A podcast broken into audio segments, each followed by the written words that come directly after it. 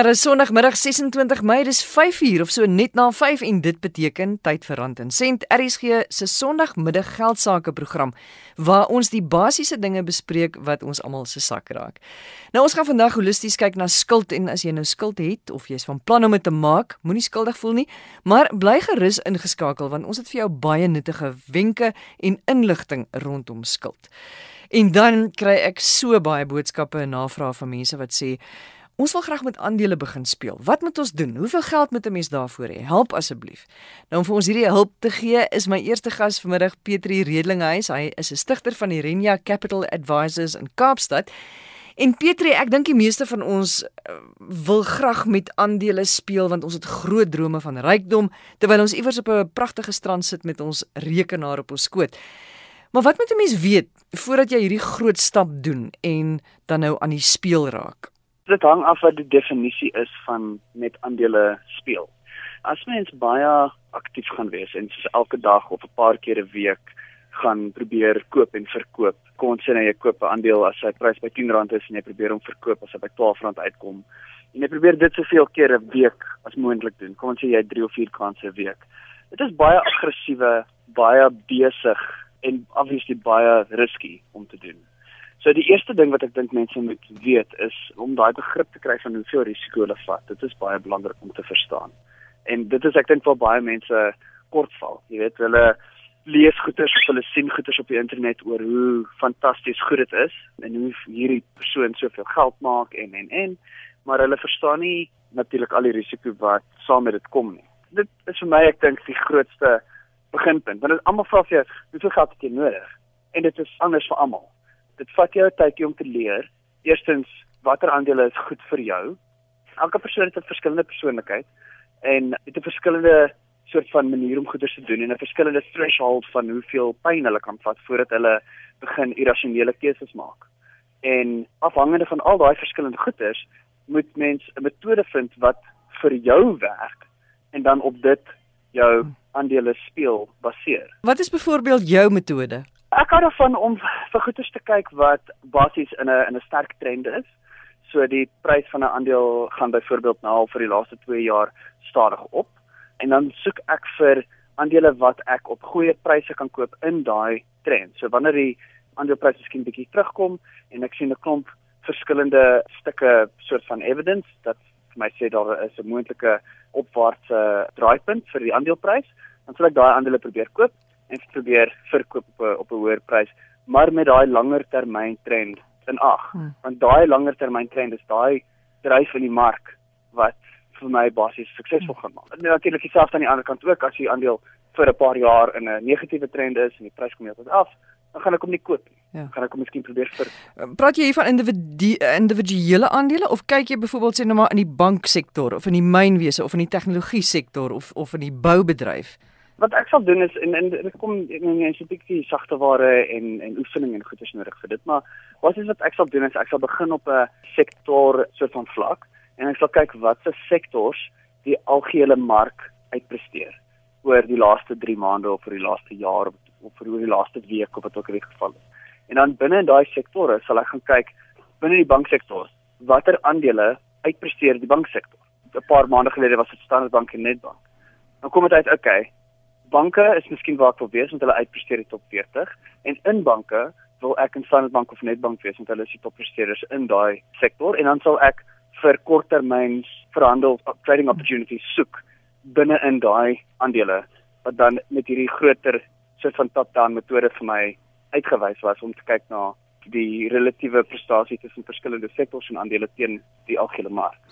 Nou om al hierdie kennis te kry, beteken dit jy gaan moet luister na finansiële programme, jy gaan moet die finansiële sektor of die finansiële deel van die koerant lees, is ek reg? Want hoe leer jy andersins om al hierdie trends uit te ken? Ja, dit is nog 'n berg om te klim. En ek dink hierso is vir baie mense moet versigtig wees. En daar's klomp mense wat sê, sê luister, doen net hierdie kursus, al die goed wat jy moet weet. Doen hierdie kursus, R5000 vir 'n naweek en dit gaan jou help geld maak. En ek kan nie vir jou sê nie, ek het daar begin, né? En ja, van daai goeders is baie hulpvol, maar die expectation wat hulle skep dat jy oor 'n jaar finansiëel onafhanklik gaan wees want jy gaan nou leer om jou 10000 rand in 2 miljoen rand te verander. Dit is obviously nie hmm. waar nie. so ja, 'n goeie beginpunt is lees uh, finansiële tydskrifte, lees koerante. Want wat ons moet weet byvoorbeeld, ons bly nou met die Standard Bank opsies. Okay, Standard Bank is een van die aandele wat ek wil koop en verkoop in korttermyn wanneer daai spesifieke aandeel terugtrek as deel van 'n groter trend. Okay? Maar wat weet ek van Standard Bank af? Ek moet gaan lees. Ek moet nou na Standard Bank se webwerf toe gaan, na die investor relations bladsy toe gaan en daar 3 jaar se finansiële resultate gaan lees. Ek moet weet hoe daai besigheid geld maak. Ek moet weet wat se reglemente is daar in die mark vir daai besigheid. Ek moet weet wat se opportunities is daar vir daai besigheid. Ek moet weet wat se projekte hulle mee besig is sodat as iets verander in die groter prent, kan ek verstaan hoe dit daai spesifieke aandeel impak. Soos ek gee 'n uh, uh, ander byvoorbeeld. Daar was onlangs 'n paar weke gelede slegte weerkondisies. Dit was hurricane geweest of 'n uh, tropical storm cyclone net van die ooskus van Australië af en dit het 'n paar yserersmyne bevloed en jy weet yserersproduksie is nou in daai deel van die wêreld 'n bietjie af en dit sit natuurlik opwaartse druk op die yserersprys en vir 'n 3 dae slag was die game basies elke dag kom dan nie sig mark oppak verkoop hom as hy toemaak en dan hardop ja. 5% 'n dag. So om daai kennis te kry van hoe die hele mark bymekaar pas. Dit is ook verskriklik belangrik en dit kry mense deur net te lees, te lees, te hmm. lees, lees oor die besighede, lees oor hulle projekte, lees die koerante, begin soort van die puzzle saamsit om te sien hoe die goeders bymekaar werk. Pieter, en hoeveel geld sê jy sê het 'n mens nodig as jy dit nou op daai ernstige vlak wil begin doen? Want jy gaan tog nou nie met jou R100 en jou R200 kan begin nie, kan jy? Kyk, ek dink wat meeste mense wil doen is hulle dink, hoeveel geld het ek nodig om op te hou werk en hierdie te doen suksesvol? En ongelukkig hier het ek baie slegte nuus vir jou. As jy 'n professionele, ervare regte behoorlike trader is wat nou vir 10 jaar die ding doen, kan jy vir jouself met relatief min 'n goeie salaris maak elke maand. Maar om daar uit te kom, gaan vir jou 5 of 10 jaar vat. Want mens leer verskriklik baie. Jy maak baie foute. Jy maak dieselfde fout 4 of 5 keer oor voordat jy leer. Mens is ons bietjie hardkoppig as, mm -hmm. as mensdom. So die beste plek dink ek om te begin is om te sê ek het hierso 'n bedrag gehad of dit nou vir jou R10000 of R5000 of R20000 of wat ook al dit is wat jy dink ek kan hierdie geld soos in 'n week verloor en dit gaan my nie pla nie. Begin met dit. Want jou main soort van goal vir die eerste jaar is om die einde van die jaar uit te kom met dieselfde hoeveelheid geld wat jy mee begin. As jy dit kan doen, dan is jy klaar voor 90% van ander mense. Want amper almal wat ek nou al gesien het wat baie ernstig instap en nie net een keer elke 2 maande bietjie rondspeel of ehm um, 'n langtermynbelegger is of so iets. Die langtermynbelegging is 'n hele ander storie. Ja, jy kan die verkeerde aandeel kies, maar jy het tyd aan jou kant. Korttermyn is in uit elke dag tipe ding. Elke tweede dag. So ek dink die getal om mee te begin is om is die getal waarmee jy gemaklik is om te weet jy het 'n 90% kans as jy aktief in die mark is, jou eerste rekening gaan jy blaas. So maak seker dis min genoeg om jy nie seer te maak nie. En dan van daar af, as jy jou eerste R20000 verloor het, nê, nee, ek waarborg jy volgende keer gaan jy baie versigtiger wees as jy eers weet hoe dit hoe dit voel om te brand. En ongelukkig is dit nou dis nou maar 'n harde realiteit. So as dit R5000 is, maar jy vat daai R5000 dood ernstig en jy gaan foute maak en jy gaan dit blaas. Maar solank dit nie groot genoeg is om jou regtig ernstig finansiëel seer te maak nie, dink ek dis 'n goeie beginpunt en dan van daar af jy moet net 'n paar lesse geleer en dan kan jy 'n bietjie meer geld insit en om op 'n punt te kom waar jy begin regte geld maak. Ek meen jy het nie verskriklik baie nodig nie. As jy 100 000 rand in 'n rekening het, kan jy vir jou 'n lewe maak met dit. Maar dan moet jy verskriklik ervaar wees en jy moet verskriklik gedissiplineerd ja. wees. En dit baie min mense kom op daai punt uit. Pietrie, maar as jy nou byvoorbeeld nou besef, jy luister na vanmiddag se gesprek en jy besef hierdie hierdie ding gaan nie vir my werk nie. Uh, dit klink vir my veelste intensief net om in die aandelemark te kom, wat wat is jou aanbeveling vir mense? Jy weet, ek wil miskien elke maand 'n vaste bedrag belê, R500 of R1000.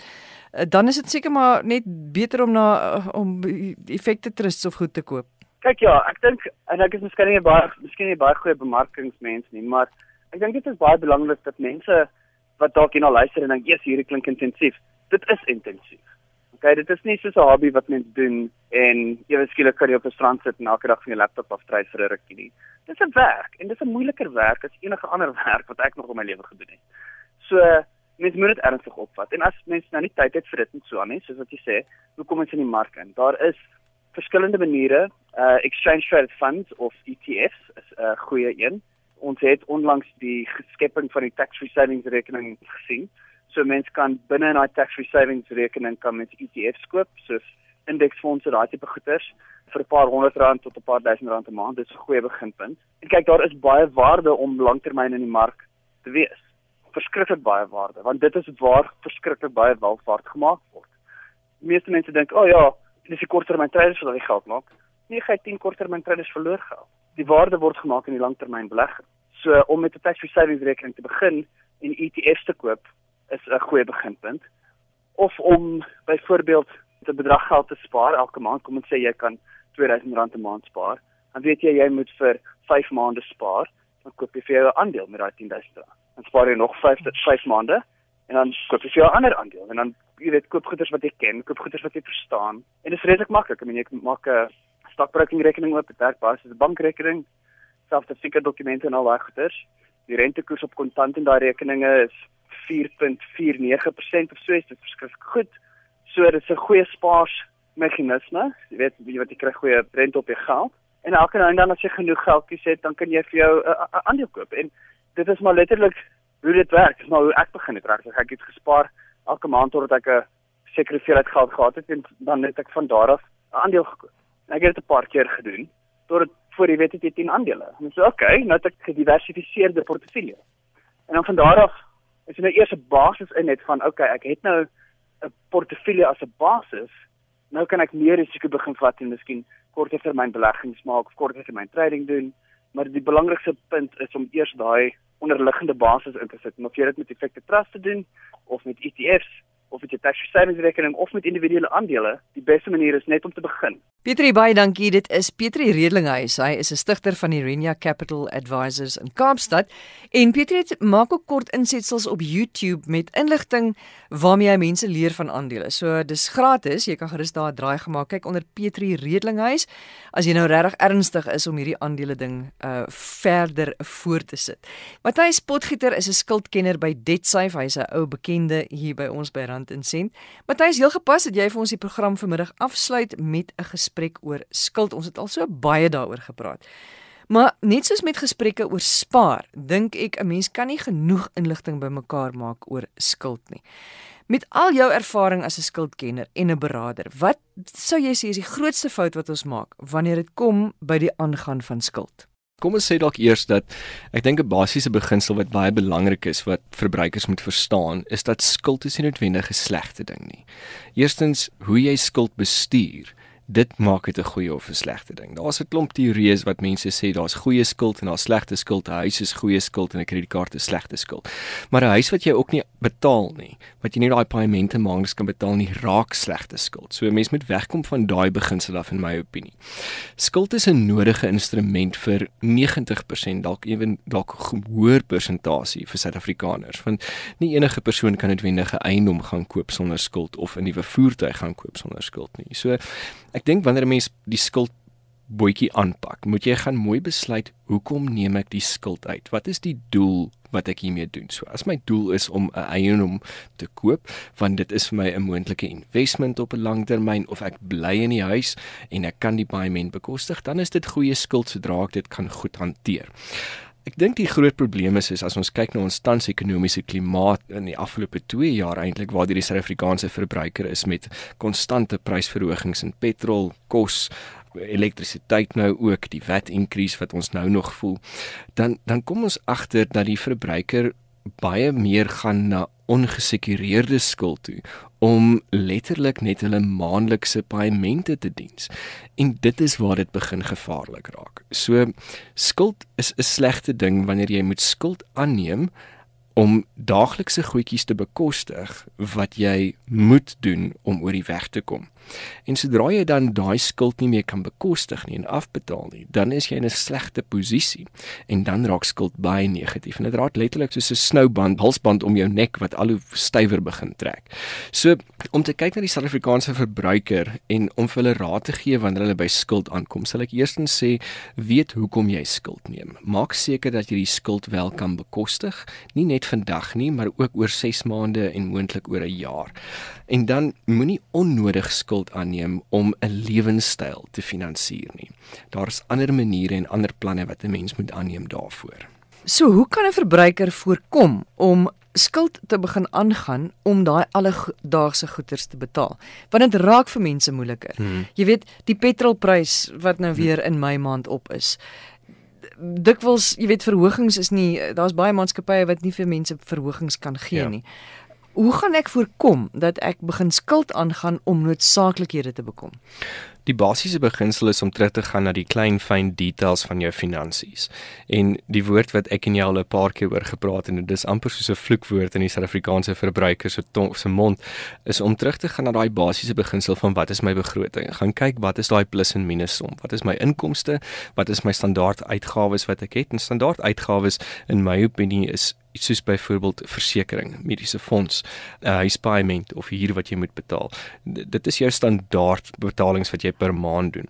Dan is daar addisionele betalings en dit is byvoorbeeld vir jou lewensonkoste soos brandstof in jou voertuig en um, moontlike hulp wat jy het by die huis en dan natuurlik kos is 'n baie belangrike beginsel wat ons ook moet na kyk in 'n begroting.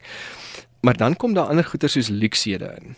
En as 'n mens partykeer daai plus en minus som gaan doen sonder jou luksede, dan klop die som.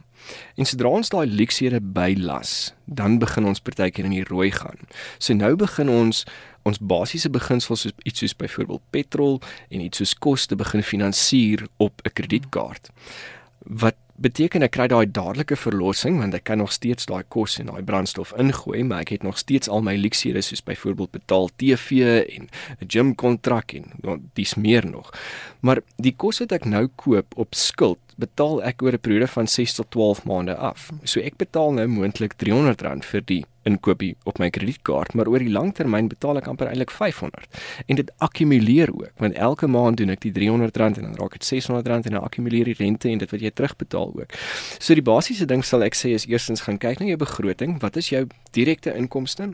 Wat is jou direkte bestaande betalings wat jy moet betaal? En waar spandeer jy jou geld as dit kom by luksede? En sny eers daai luksede af. En kyk wat 'n mens kan sonder wegkom. Indien jy daai som maak en jy sien dat daar is glad nie ruimte vir jou nie, dat jy niks kan afsny nie, dan moet 'n mens begin anders te dink aan ons inkomste patroon en moontlik begin kyk hoe kan ek my inkomste bietjie boost en addisionele inkomste moontlik in die huishouding inbring. En dit is klink makliker gesê as gedaan. Ek weet dit.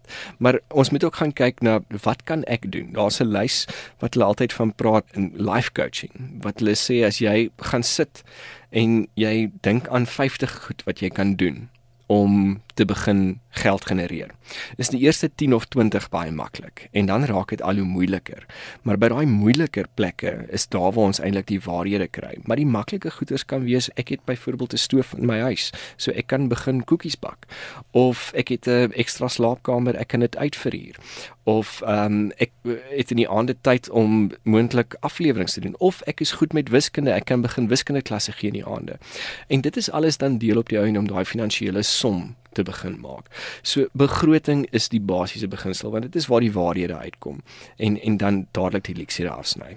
En weet jy, ek het dit nou self geleer by Rand en Sent. So ek kan nou uit ervaring uitpraat. As jy gaan begin en ek is nie graag iemand wat begrotings uitwerk en stukkies papier en somme maak nie. Maar as jy gaan begin kyk, ek dink nou byvoorbeeld aan brandstof, nê? Jy kan bespaar op brandstof deur minder heen en weer te ry. Mm. Jy kan mm. bespaar op brandstof deur vir jou 'n goedkoper kleiner kar aan te mm. skaf. Mm. So jy kan nie sê, "O, oh, die brandstof is so duur en nou moet ek skuld aangaan nie," want jy kan besnoei op daai ja. goed. En op die einde van die maand bespaar jy nogal 'n groot bedragie geld.